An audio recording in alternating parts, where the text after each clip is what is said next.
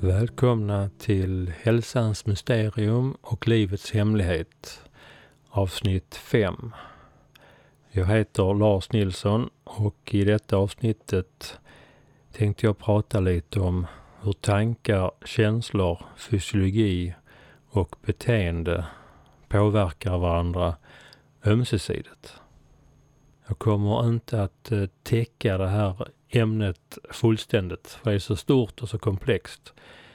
Men jag vill ändå eh, ge lite information som förhoppningsvis stimulerar några av er lyssnare att tänka i nya banor, annorlunda banor och kanske ifrågasätta era egna nuvarande eh, för, föreställningar och eh, idéer och tankar om detta ämne. På min hemsida amixe.se har jag som vanligt lagt ut en sammanfattning och ibland lite förtydligande. Och där är även lite bilder. Och eh, bilden som det här avsnittet framförallt kommer att handla om, för er som inte har tittat på den redan, är alltså en bild och modell där eh, man tänker sig hörnen på en trekant så har jag satt tanke, känsla och fysiologi och beteende i mitten. Och sen är det pilar så, åt båda riktningarna mellan alla de här texterna. Just för att visa komplexiteten och hur allting hänger ihop. Tänkte börja eh, och berätta om ett klassiskt experiment från den mentala träningen. Många av er har säkert redan gjort det den finns ju både kortare och längre versioner. Tänkte just nu ta den korta versionen och för er som inte har gjort det här tidigare så tänkte jag i slutet av eh, detta avsnittet när det är slut så tänkte jag ta den längre versionen för er som vill pröva på den. Men det handlar om det här klassiska experimentet med en eh, citron. Om ni tänker tanken att ni har en färsk citronklyfta framför er. En stor saftig citronklyfta. Ni står där och håller den i handen och tittar på den och känner den. Och mycket riktigt, ja, ni ska bita i den här. Så föreställ er nu i er fantasi att ni tar den här citronskivan. Den här stora saftiga citronskivan sätter in den i munnen och biter till och känner hur syran och syrligheten smakar. Ni riktigt känner hur det, ni grimaserar av den här starka citronsmaken. Och bara tanken på att göra detta får de flesta personer att få salivutsöndring i munnen. Eh, så jag tror att många av er som genom bara detta jag sa nu så kände ni lite i alla fall eh, salivfrisättning i munnen. Ni som inte kände någonting alls och som inte har gjort den här övningen innan, det kommer en längre version på slutet. Men sammanfattningsvis, de flesta personer som gör den längre versionen av det här kommer i 80-90 procent av fallen att känna en betydlig salivfrisättning i munnen. Man känner verkligen hur saliven har runnit till. Och det här är ju intressant på många sätt. Vad är det egentligen som händer? Vi har ju inte citronen framför oss i verkligheten, utan det är bara en inre fantiserad bild man målar upp. Eh, det första är ju att jag liksom alla andra har fått lära sig i, i, på grundskolan och gymnasiet och även på universitetet att när vi läser fysiologi och om nervsystemets eh, uppdelning så vårt nervsystem är uppdelat i det centrala nervsystemet och det perifera yttre nervsystemet. Och det här yttre nervsystemet, det delar man in i det somatiska och viljestyrda nervsystemet. Och där har vi ju muskler. Vi kan röra på musklerna när vi vill och hoppa. Och sen har vi den andra delen av det yttre nervsystemet. Och det är det icke viljestyrda nervsystemet som kallas för det autonoma nervsystemet. Och just matsmältningen, blodtryck, insulinfrisättning eh, och salivfrisättning är exempel på sådant som sköter sig själv och det är icke viljestyrt. Men när man har läst om detta så har man inte nämnt att man kan ju faktiskt påverka det ej viljestyrda nervsystemet om man har lite knep för sig. Det vi just gjorde var ju ett sådant. För att jag kan ju inte bara genom att tänka säga att nu vill jag ha frisättning av saliv av mina salivkörtlar i munnen. Nu. Ja, det händer ingenting. För att så fungerar det ju inte. Vad man använder sig av inom den mentala träningen, det är ju någonting som kallas för alternativa kontrollsystem. Så det är ett alternativ till det vanliga, mer viljestyrda kontrollsystemet där man tror att man ska ha kontroll och tänka med tankarna. Och det här alternativa kontrollsystemet använder sig då framförallt av bilder och känslan av detta man vill uppnå.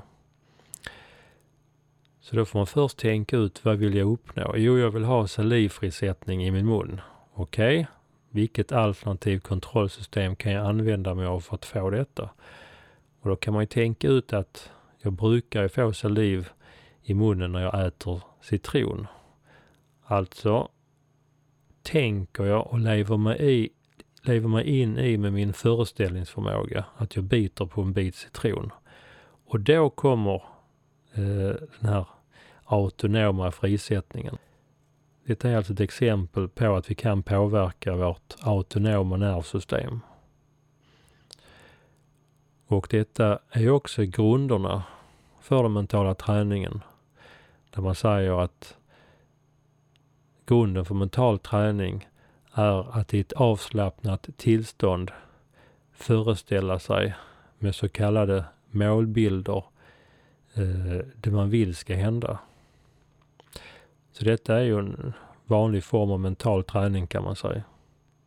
Och det bygger på den kanske provocerande principen att vårt nervsystem kan inte skilja på fantasi och verklighet. Alltså, vårt nervsystem kan inte skilja på fantasi och verklighet. Så det spelar ingen roll om jag biter i citronen i verkligheten eller om jag i min föreställningsförmåga tänker tanken och ser bilden av att jag biter en citron och försöker uppleva känslan. Svaret blir detsamma, nämligen nervsystemet reagerar och vi får frisättningen. Så dessa visar just kopplingen mellan, kan man säga, inre bilder, vår fantasi, föreställningsförmåga och fysiologiska reaktioner. En annan eh, intressant eh, historia är att på mitten av 90-talet så fanns det en eh, asiatisk pojke som jäckade läkarna. Han kunde medvetet höja och sänka temperaturerna i sina fingrar. Och detta är någonting som de flesta även idag kanske tänker att det kan man väl inte göra eller hur gör man det? Ehm,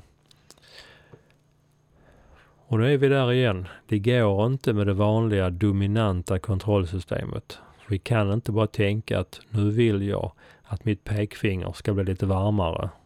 Och så tänker jag bli varmt, bli varmt. Då händer ingenting. På samma sätt kan jag inte tänka att mitt ringfinger på samma hand ska bli kallt. Bli kallt då, nu. Det händer ingenting.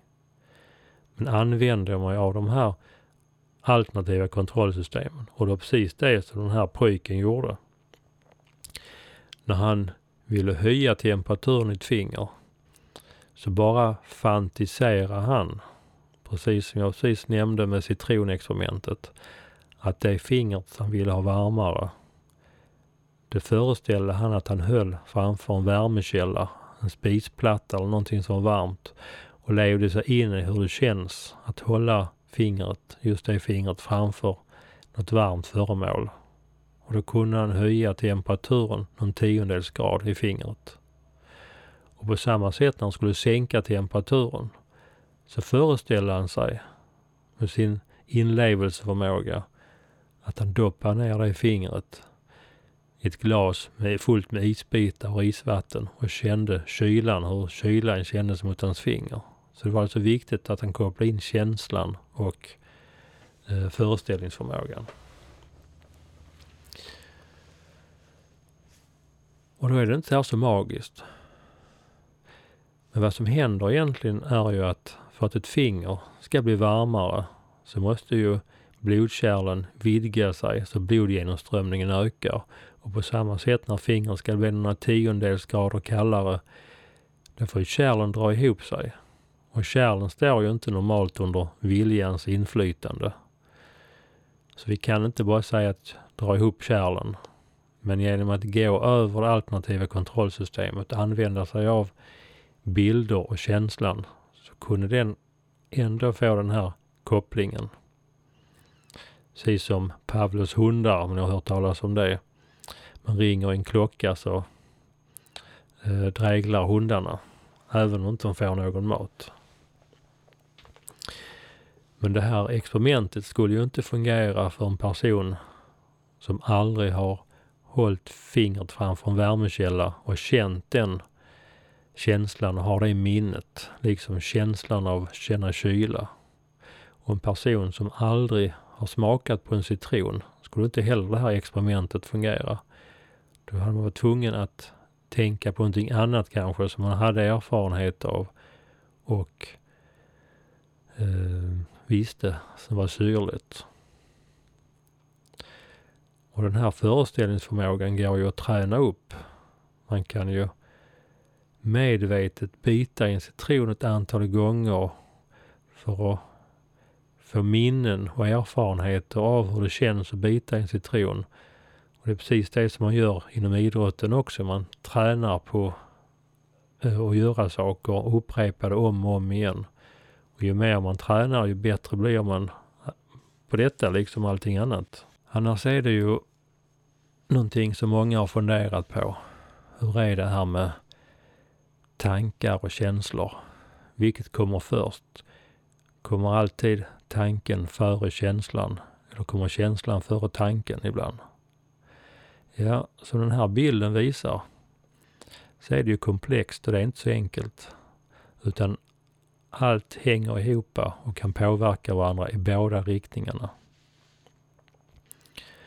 Enligt den här bilden så vill man påverka om man tänker kan man göra det genom både känslan och fysiologin. Som jag ska prata om senare.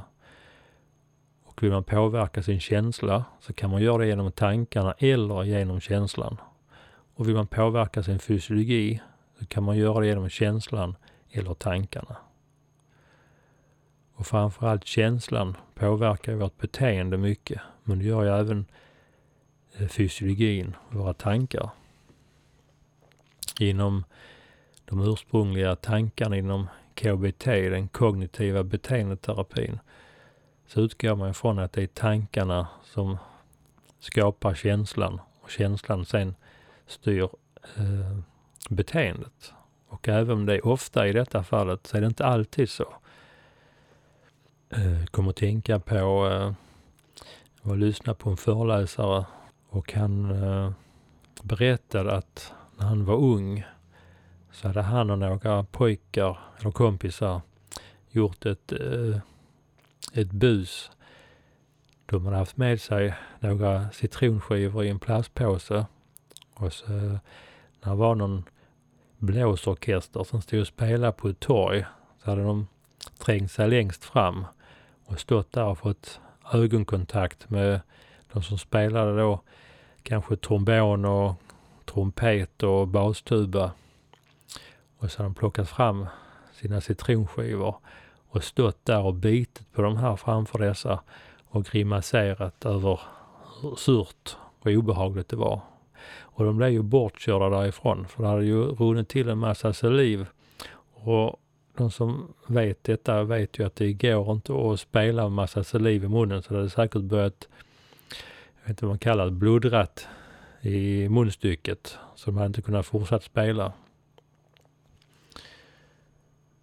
Men jag tror nog att eh, de flesta har lätt för att föreställa sig att om jag tänker på någonting så får jag då en känsla i min kropp. Men det som är intressant är ju att om man har en speciell känsla i sin kropp så kommer den att färga och påverka väldigt mycket hur vi tänker. Och själva vårt beslutsfattande eh, och vårt tänkande är alltså väldigt beroende av känslan vi har i vår kropp. Eh, detta kommer också att spela roll sen när jag ska prata om stress och stresshantering. Det går alltså inte att använda sig av en metod där det går ut på att tänka när man är stressad. För det är just det som inte fungerar. Utan det gäller att först komma i balans. Så frågan är hur vi ska komma i balans och där finns olika knep och knåp för det. Sen är det också lite typiskt för oss västerlänningar att vi ska analysera och bryta ner allting i mindre och mindre beståndsdelar. Jag själv kan tycka det är eh, intressant ibland.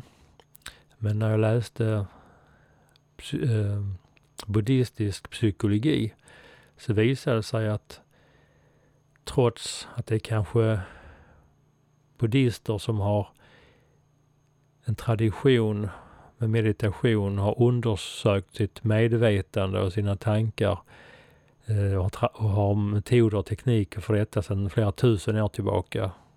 De, kanske, de som har kommit längst med att eh, studera detta.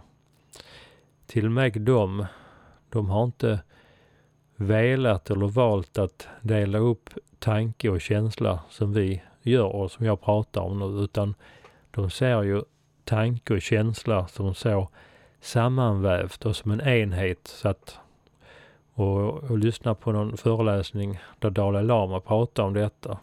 Och han sa att eh, det eh, är mycket möjligt så att tanken kommer före känslan ibland och känslan kommer före tanken ibland. Men det är liksom ur praktisk synvinkel inte intressant.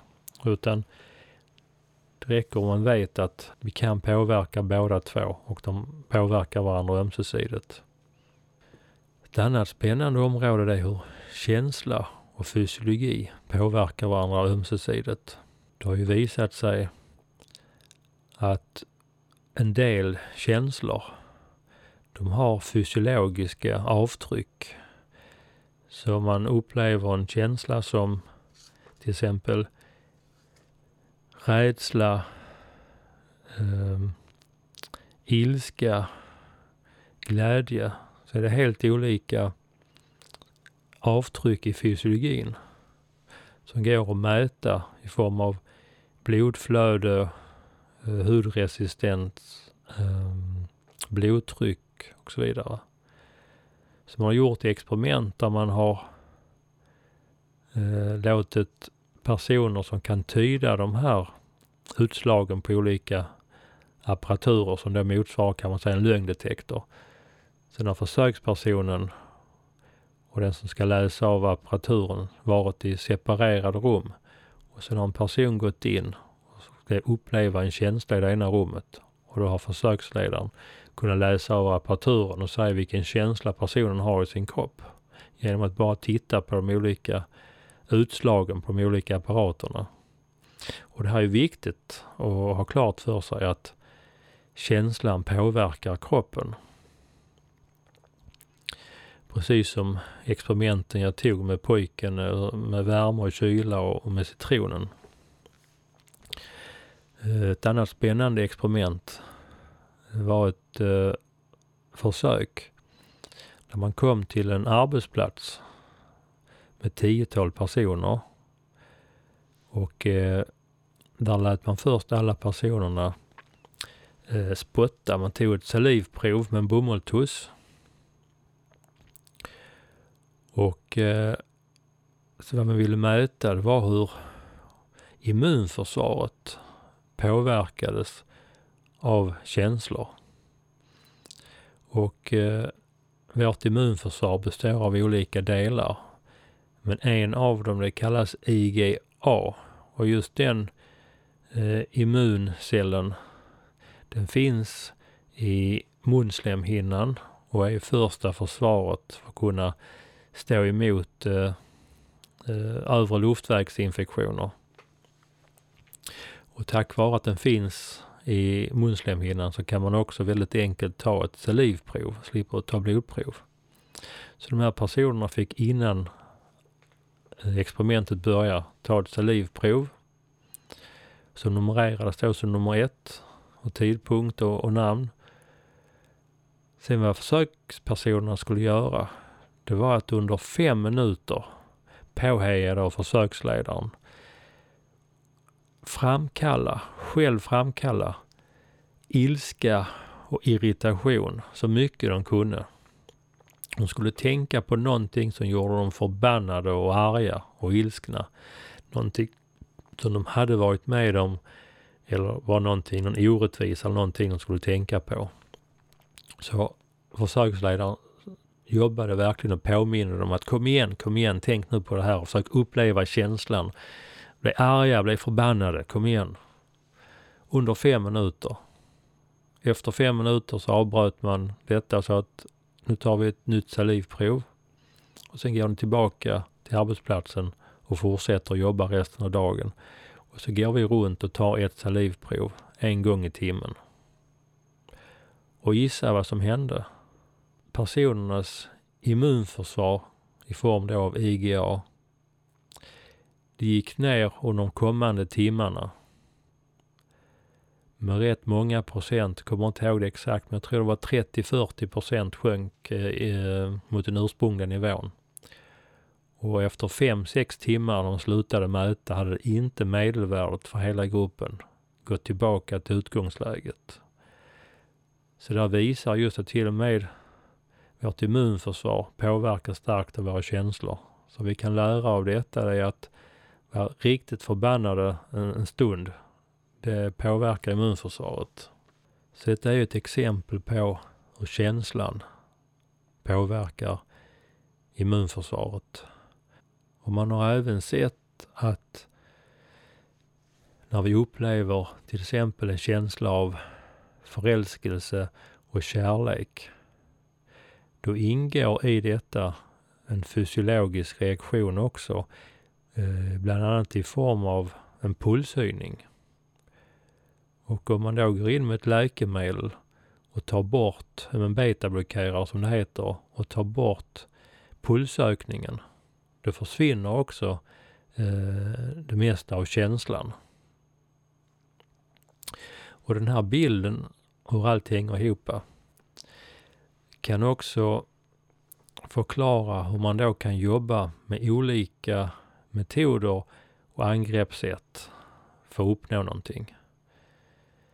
Jag eh, hade under ett antal år i början av 2000-talet en eh, föreläsning och ett koncept där jag pratade om balans i kroppen och balans i livet.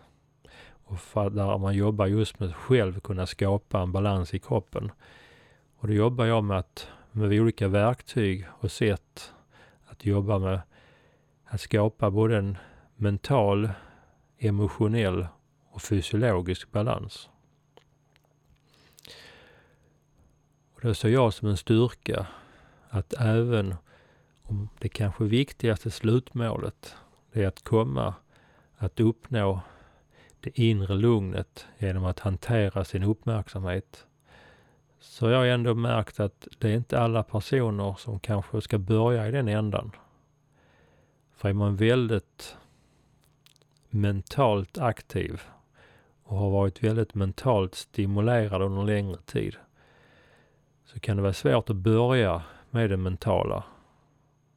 Då kan det vara en fördel att börja med det kanske kroppsliga istället. Att börja orientera sig i, i sin kropp. Börja lyssna till sin kropp, sina kroppssignaler.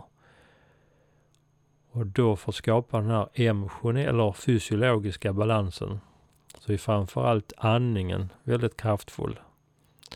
Vi kan genom att andas på ett speciellt sätt som jag kallar för rytmiskt stabiliserande andning skapa en funktionell balans i vårt autonoma nervsystem. Och enligt den här bilden så visar den att kan vi då gå in med andningen skapa en fysiologisk balans så kommer det ju påverka känslan. Vi får ett inre lugn av att andas på ett sätt som skapar lugn i vår kropp. Och då får vi också ett mentalt lugn. Och sen kan vi också jobba med känslan, att jobba med att framkalla en känsla som uppskattning och tacksamhet. Uh, ungefär som att en person som varit stressad under lång tid kan ha svårt att kanske känna kärlek på en gång. Men precis som en dörrförsäljare som vill komma in, sätter foten i, i dörren. Så har det visat sig att har man svårt för att uppleva känslor, kanske till och med stängt av känslorna för att jobbet en längre tag, så har just uppskattning varit någonting man kan börja jobba med, att försöka hitta någonting man uppskattar i livet för att få in lite av den här eh, positiva känslan och eh, balansen i kroppen. Precis som förra avsnittet när jag pratade om grodan som fick in lite färskvatten så bör man känna att oh, liksom, det kommer in lite frisk eh, vatten, frisk syre, frisk energi. Och sen när man har landat i sin kropp, hittat en fysiologisk och emotionell balans, då blir det också lättare att börja jobba med tanken. Jag lyssnade även på en, en eh, kommer inte ihåg om det var en psykolog eller en psykiater eh, som jobbade med eh, deprimerade människor. Och eh, hon såg eh, depression som en eh, misslyckad korrigering, som en obalans. Och eh, har man gått så långt som man kommit ner i en klinisk depression så kan det vara väldigt svårt för personen själv att komma därifrån. Och hon jobbade just med eh, mindfulness och meditation som eh, terapeutiska redskap för patienterna. Men just när man hade gått för djupt och kommit in i en klinisk depression, då var man inte mottaglig och kunde jobba med de här verktygen. Och då menar hon på att då var det berättigat att ta mediciner, eh, antidepressiva tabletter, för att komma upp till ytan och där var även mottaglig för att börja jobba med sig själv och det som kan ha orsakat eh, obalansen. Och den här modellen visar ju också att påverkar man fysiologin så påverkar man ju hur vi tänker och känslan också. Och det är just det som händer med till exempel antidepressiva tabletter. Man anser ju idag att fyndet man får, alltså symptomet Eh, i kroppen av depressionen, det är ju att eh, serotoninnivåerna, bland annat i hjärnan, har sjunkit. Och genom att tillföra de klassiska antidepressiva tabletterna så höjer de till exempel serotoninnivåerna i hjärnan. Och då börjar man må bättre och tänka bättre. Eh, andra sätt att, när man gjort experiment för att visa när fysiologin förändras och det påverkar oss. Det är ju till exempel om man sitter som en försöksperson och injiceras något ämne när man inte vet vad det är, så kan man få framkallade känslor eh, som kommer genom fysiologin och har inte någonting med tanken att göra.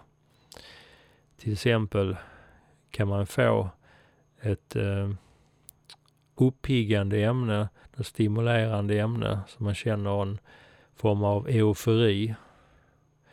Och sprutar man in någonting tröttande så känner man ju trötthet.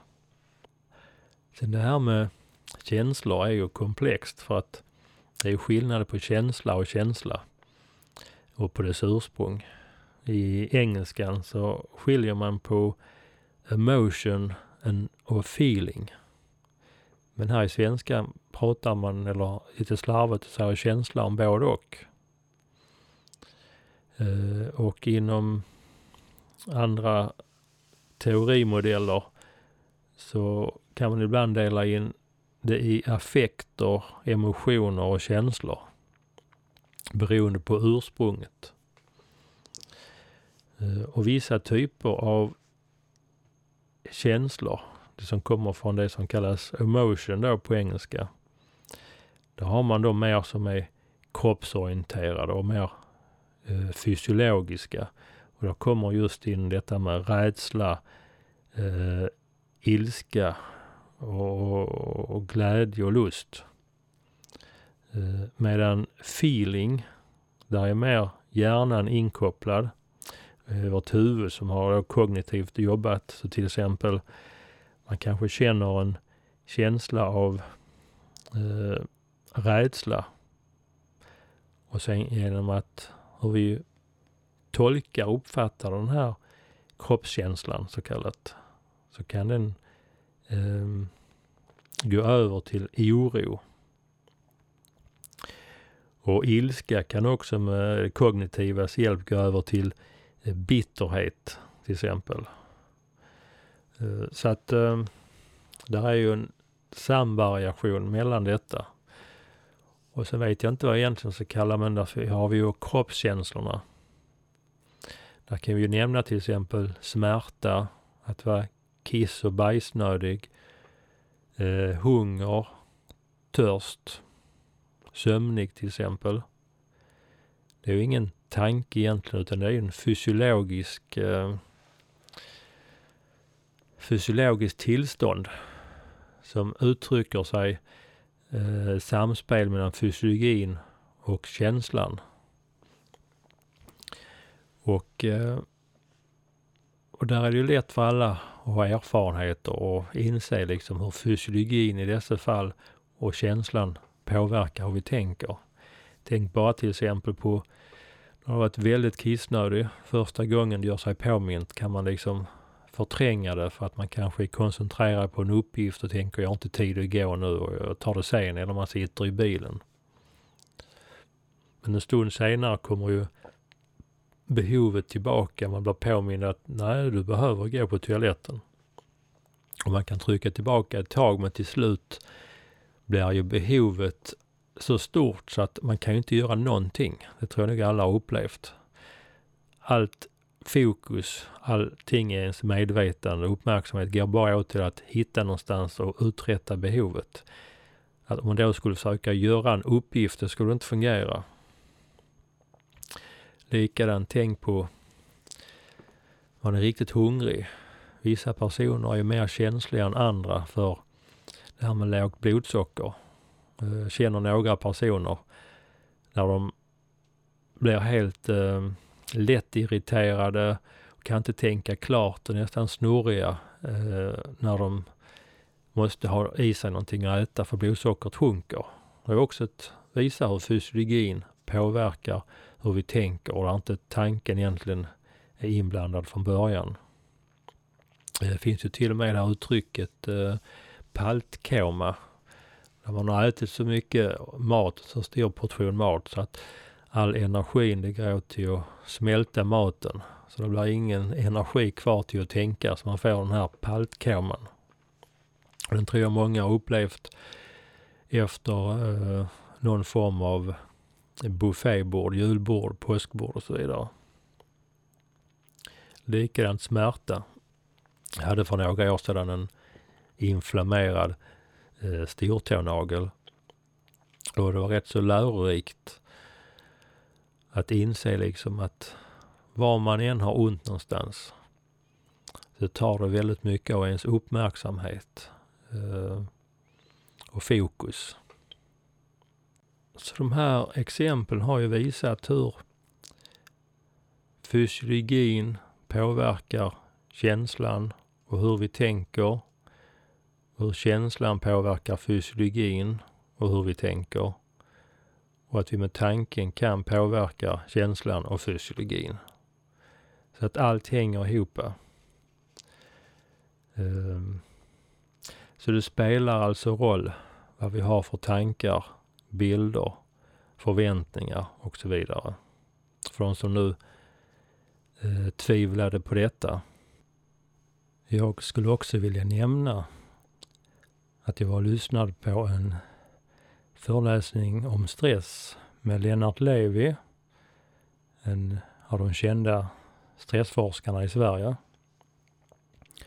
Och han la på en overheadbild där han pratade om de sjukdomsframkallande mekanismerna. Och det var fyra punkter och det var just våra känslor, våra tankar, våra självdestruktiva beteende och vår fysiologi. Men eftersom allting hänger ihop och går att påverka i båda riktningarna. Så det första jag tänkte på att okej, okay, det här är sjukdomsframkallande mekanismer. Men man kan ju vända på det och göra det till friskframkallande mekanismer också. Och just det här att allting hänger ihop. Vi har några viktiga reglersystem i vår kropp och då, för att nämna de tre viktigaste, så är det ju våra, vårt nervsystem och vårt endokrina system och immunsystemet. Och de tre påverkar också varandra ömsesidigt. Och här publicerades, som jag har hittat första gången, en bild i en bok som heter Stress 2002. Och jag har lagt upp eh, den bilden med eh, källanvisning på min hemsida. Där man just i den här boken visade hur de här stressrelaterade sjukdomarnas mekanismer är just hur endokrina systemet med till exempel sköldkörteln, bukspottkörteln eh, påverkar vårt immunsystem och vårt nervsystem. Och just det autonoma nervsystemet är ju intressant för det kan vi ju medvetet komma åt eh, till exempel genom vår andningsträning. Så här har vi ju en koppling med hur vi kan medvetet komma åt, påverka immunsystemet och det endokrina systemet. Och det var just det som visades också i det här försöket med fem minuters upplevd ilska på IGA-koncentrationen. När jag nu pratar om förväntningar, mentala bilder och att vårt nervsystem inte kan skilja på fantasi och verklighet så vore det konstigt om jag som apotekare inte tar upp och nämner någonting om placebo.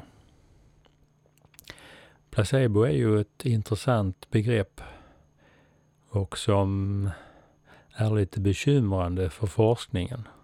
För det har ju visat sig att ungefär 30 procent av personerna i en studie får placeboeffekt. Eh, och placebo kommer ju från ett latinskt ord som översatt till svenska blir jag behagar. Och mycket av eh, hur man förklarar placebon idag är att det handlar om förväntanseffekter. Precis det som jag har pratat om idag. Och är det någonting som är mest studerat i alla försök så är det just placebo. För att oavsett vilket läkemedel man ska undersöka så krävs det att man har en kontrollgrupp för att den ska vara av bra eh, klass och kvalitet. Oftast gör man ju så kallade kliniska prövningar som är dubbelt blinda. Och det betyder att varken den behandlande läkaren eller försökspersonen, ingen av dessa båda vet vem som får aktivt läkemedel eller ett inaktivt läkemedel. Så det ena läkemedlet, eller den ena tabletten som en slumpvis utvald person får innehåller alltså ett farmakologiskt aktivt ämne som man vill prova och se om det kan komma ut på marknaden och ha har någon nytta för patienter. Och den andra blir då slumpad och tar det som då kallas en placebotablett som oftast innehåller ett verkningslöst ämne som oftast är just socker. Därför kallar man placebo för sockerpiller. Jag tror nog att det är rätt många som eh, blandar ihop den här procentsiffran. För man hör ju ofta att man säger att placeboeffekten är 30 procent. Men egentligen grundar det sig på att ungefär av de personer som förväntas få någon effekt så får 30 procent av personerna effekt. Det betyder alltså inte att 70 procent får effekt. Utan tittar man på många kliniska prövningar av läkemedel så får då 30 procent av placebogruppen tillräcklig effekt, eller en viss effekt man vill uppnå. Medan kanske den behandlande gruppen med ett farmakologiskt läkemedel kanske ligger på 40-50 procent. Så det betyder ju att i många prövningar så är det ju 50 procent som inte får någon tillräcklig effekt alls i studien. Och är det så att det är 50 procent som får effekt i den farmakologiskt aktiva gruppen, då innebär ju det att den gruppen borde också ha en placeboeffekt. Och om man räknar på detta sättet så visar det sig att i de flesta studier så är det ju placeboeffekten som står för den största delen av den aktiva effekten. Eh, den effekt eh, som är störst och själva den del av effekten som kan tillskrivas den farmakologiska substansen eh, den är oftast mindre än själva den aktiva placeboeffekten.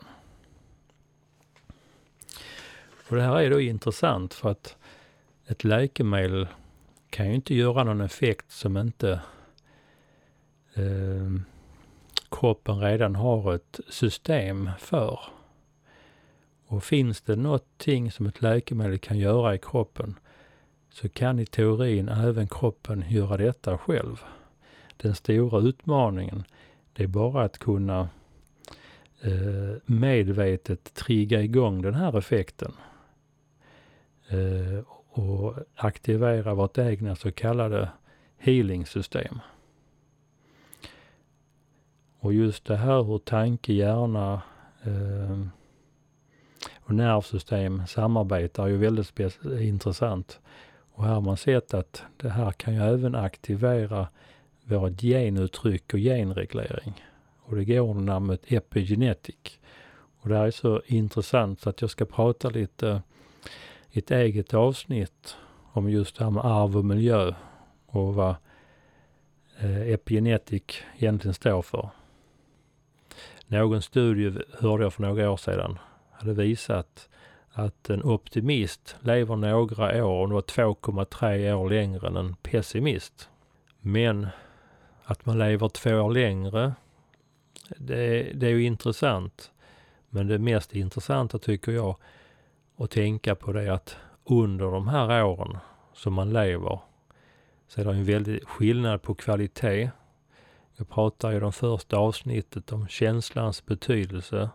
Hur viktigt det är att vi mår bra, har en bra känsla.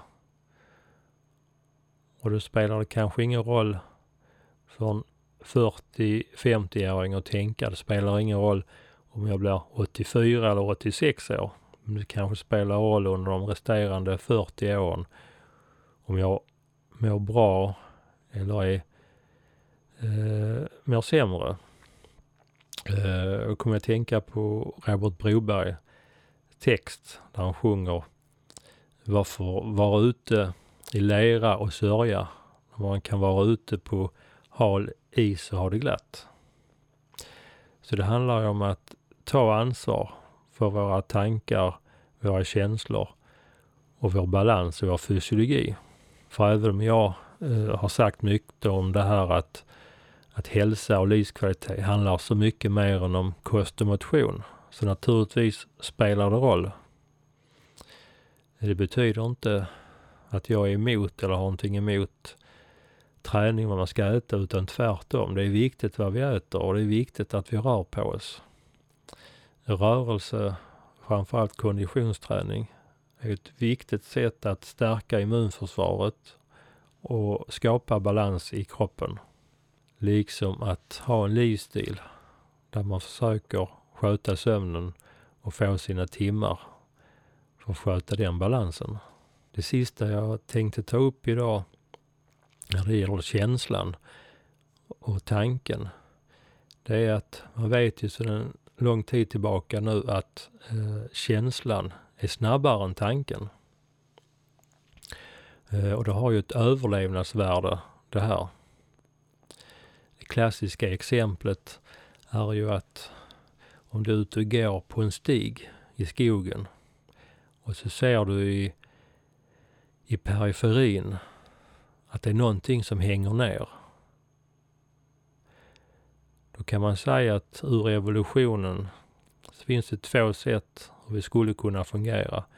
Det ena sättet är att vi jobbar med precision och exakthet. Och där vi kopplar in tänkandet och hjärnan, alltså det kognitiva. Där man då tittar, jaha, där hänger ner någonting. Och sen tittar man, är det en gren eller är det en orm? Och så konstaterar man när det är en orm, jaha, är det en giftorm eller är det en snok? Och så konstaterar man att det var en giftorm, pang! Så blev du biten och dödad. Du hann inte analysera om den kunde nå mig eller inte, utan den bet dig. Det andra alternativet, det är istället att hjärnan jobbar oprecist och snabbt och reagerar hellre en gång för mycket än en gång för lite. Och det har ju ett högre överlevnadsvärde. För det är bättre att reagera för mycket än för lite. Och då går det till så istället att vi är ute och går på stigen, ser att det hänger ner någonting och utan att vi hinner tänka vad det är för någonting så reagerar vi och hoppar tillbaka. Men pulsen går upp och, och vi, reaktionen går igång. Och när vi väl har hoppat tillbaka och pulsen har gått upp så konstaterar vi, att det var bara en gren. Men man klarade livhanken ifall det hade varit en giftorm som hängde där. Och det här har man då kunnat se att vad som händer, det är att det vi ser, det går till en sambandscentral som kallas för talamus. Därifrån skickas informationen både till känslocentrat eh, som då karaktäriseras kan vi säga av ja, limbiska området eller amygdala. Och samtidigt skickas informationen via annan nervbana till det kognitiva och kognex, där vi tänker och där vi varse blir saker. Och då har det visat sig att hastigheten på nervbanorna, den är dubbelt så snabb ifrån sambandscentralen till känslocentrat än vad den är upp till hjärnan. Och det är just för att känslocentrat och våra minnen eh, och erfarenheter, den ska få förhandsinformation och är det någonting som den snabbt eh, kan känna av så ska vi reagera innan intellektet kommer in och börjar analysera och tolka situationen. Det är inte tid till för överlevnaden. Så därför är vi ur ett evolutionsbiologiskt perspektiv funtade så att vi reagerar i onödan. Och därför säger man att känslan är snabbare än tanken. Detta har också betydelse för en effektiv stresshanteringsstrategi eftersom väldigt mycket av vårt tänkande och vårt handlande styrs av omedvetenhet och automatik. Och eh, här kan jag också nämna att, eh, ja, jag kan ju också säga att många av de hot som finns idag. De är ju inte fysiska hot på det sättet som rovdjur och, och eh, fiender när det gäller överlevnad eh, för att bli överfallen. Nu är, handlar det ju mer om strejkande datorer som låser sig, hänger sig, eh, tidsbrist, deadlines och så vidare.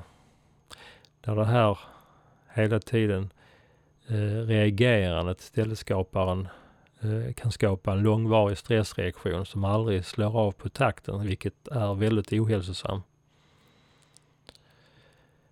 Eh, det här med automatik, det gäller ju även när vi har fobier och trauma eh, och jobbiga minnen.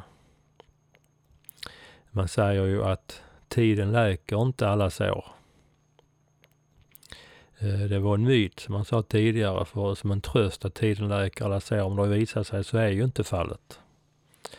Och det finns ju ett spännande uttryck också som säger att känslor som begravs levande, de dör aldrig. Och det finns ju ingen logik heller när det gäller eh, fobier. Eh, och genom något som heter energipsykologi så har jag varit intresserad också av att jobba med hur man kan själv hantera eh, och lösa upp jobbiga minnen och fobier. Och det kommer också eh, behandlas lite senare, även om det kanske är svårt att göra så här i ett radioprogram. Men eh, det finns vissa grundläggande saker som ska nämnas då i alla fall. Eh, till exempel har jag haft en eh, släkting som var rädd för Eh, svarta skogssniglar. Och här hjälpte det inte att personen i fråga visste att skogssnigeln är helt ofarlig. Den kan inte göra någon skada eller någonting. Men det spelar sagt ingen roll. Det var ändå ett stort hinder överhuvudtaget för att eh, undvika att gå ut i skogen eh, för rädslan för att stöta på de här hemska djuren. Så där spelar alltså det ingen roll hur vi tänker. Eh, så här finns också lite knep hur man då kan eh, lösa upp detta. Ja, det fick räcka så här för denna gången. Eh, en sammanfattning, en viktig sammanfattning kanske då ska vara att det spelar roll vad vi tänker och vad vi känner. Och att tankar, känslor och fysiologi det påverkar varandra och är sammanvävt. Och att vårt nervsystem kan inte skilja på en fantiserad eller en verklig händelse. Avslutningsvis ska vi nu göra experimentet med citronen. Där vi genom grunderna i mental träning som är att i ett avslappnat tillstånd föreställa sig det man vill ska hända. Och i det här fallet vill vi att vi ska få saliv i munnen. Och det gör vi genom att använda oss av ett alternativt kontrollsystem som stimulerar våra salivkörtlar att frisätta eh, saliv. Och det är ju möjligt eftersom vårt nervsystem inte kan skilja mellan vad som är verklighet och fantasi. Och det går bra att sitta eller ligga. Så lägg er bekvämt på en mjuk matta eller på sängen. Eller sitt bekvämt på en stol med båda fötterna i marken och huvudet rakt upp och rak i ryggen. Och så kan ni sluta era ögon. Vi ska nu använda oss av alla våra sinnen. Framförallt synen, föreställningsförmågan, hörseln och känslan, Smaken och lukten.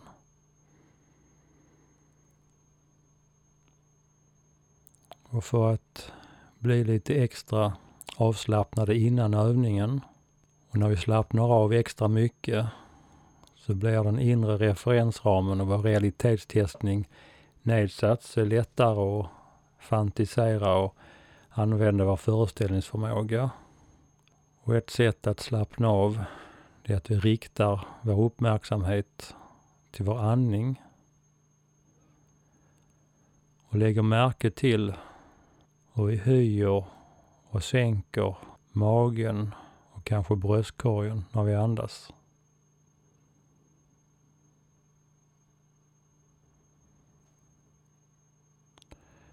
Ha gärna munnen stängd och andas in och ut genom näsan. Och andas lite långsammare än vanligt. Och låt gärna utandningen bli längre än inandningen. För just i utandningen som vi aktiverar avspänningen i kroppen. Så andas in om några sekunder. Lägg märke till när ni andas in luft genom näsan. Och sen andas ni ut luften genom näsan. Några sekunder längre än inandningen. Och lägg märke till att ni blir mer och mer avslappnade och varje gång ni andas ut luft. Försök känna kroppen blir tyngre och tyngre och mer och mer avspänd. Varje långsam och lugn utandning som ni gör.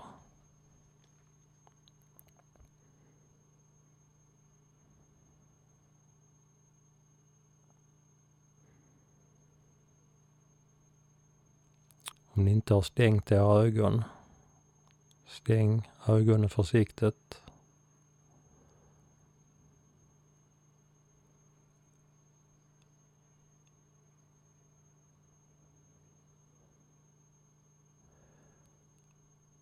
Och det kan ni föreställa er att ni befinner er i ett kök. Vilket som helst. Men där ni gärna känner er hemma. Förslagsvis ert eget kök.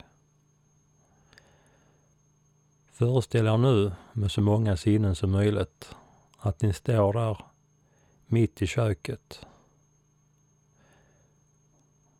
Se hur köket ser ut runt omkring er. Var ni har kylskåp, kanske frys, diskbänk, kanske köksbord. Om det ett fönster, gardiner. Och känn underlaget ni står på. Om det är mjukt eller hårt. Om det är varmt eller kallt. Och om det är någon speciell doft i ert kök. Och om det är några speciella ljud. Kanske ni har på radion i bakgrunden.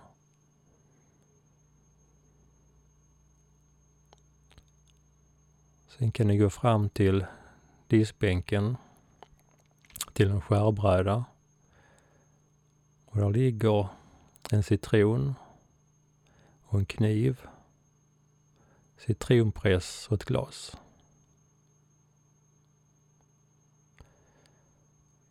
Kan ni med er ena hand ta upp citronen i er hand. Känn citronen i handen. Känn att om den är mjuk eller hård, slät eller knottrig. Tyngden i handen. Se den gula färgen. Sen kan ni ta upp kniven med den andra handen Känn att ni håller kniven i handen och lägger citronen mot skärbrädan. Sen kan ni dela på citronen. Känn rörelsen och se hur det ser ut när ni skär igenom citronen och hör ljudet när ni slår, slår igenom mot skärbrädan med kniven. Och ni ser hur citronen delar sig i två bitar.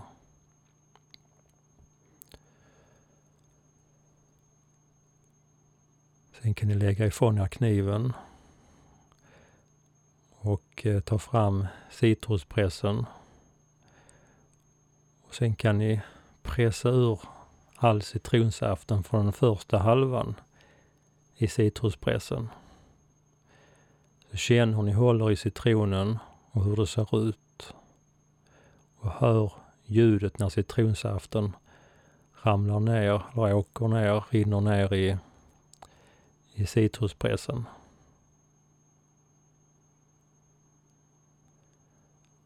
Och när ni är färdiga med första halvan så byter ni, och tar andra citronhalvan.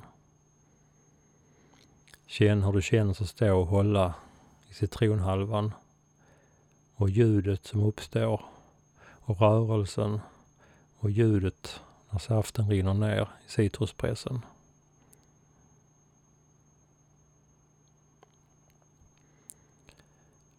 Sen kan ni slänga den andra halvan också.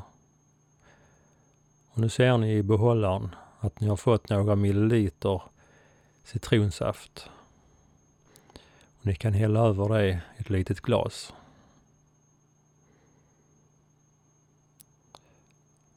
Och ni ska inte dricka det än utan först så kan ni ta upp glaset, titta på saften,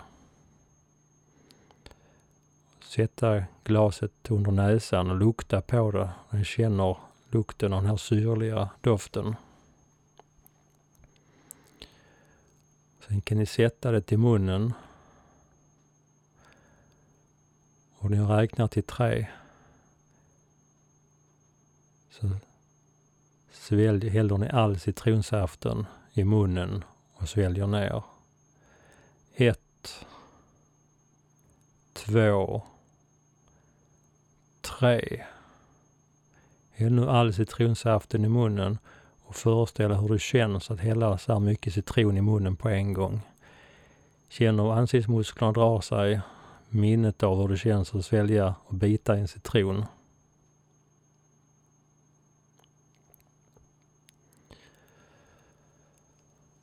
Och sen sätter ni ner glaset. Förhoppningsvis kände de flesta av er att ni fick ökad saliv i munnen.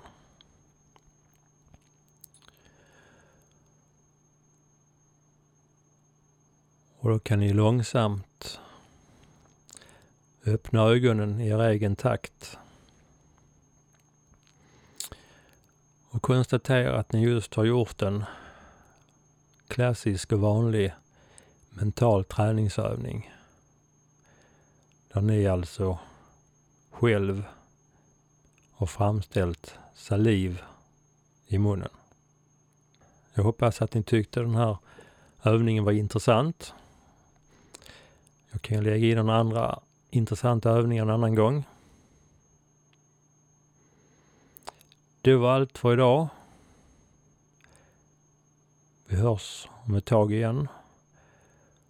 Och om ni är intresserade av att veta när nästa avsnitt kommer, gå in på min hemsida amixe.se och anmäl att ni är intresserade av nyhetsbrev så får ni på mejlen en påminnelse när jag har lagt ut nästa avsnitt. Hej då!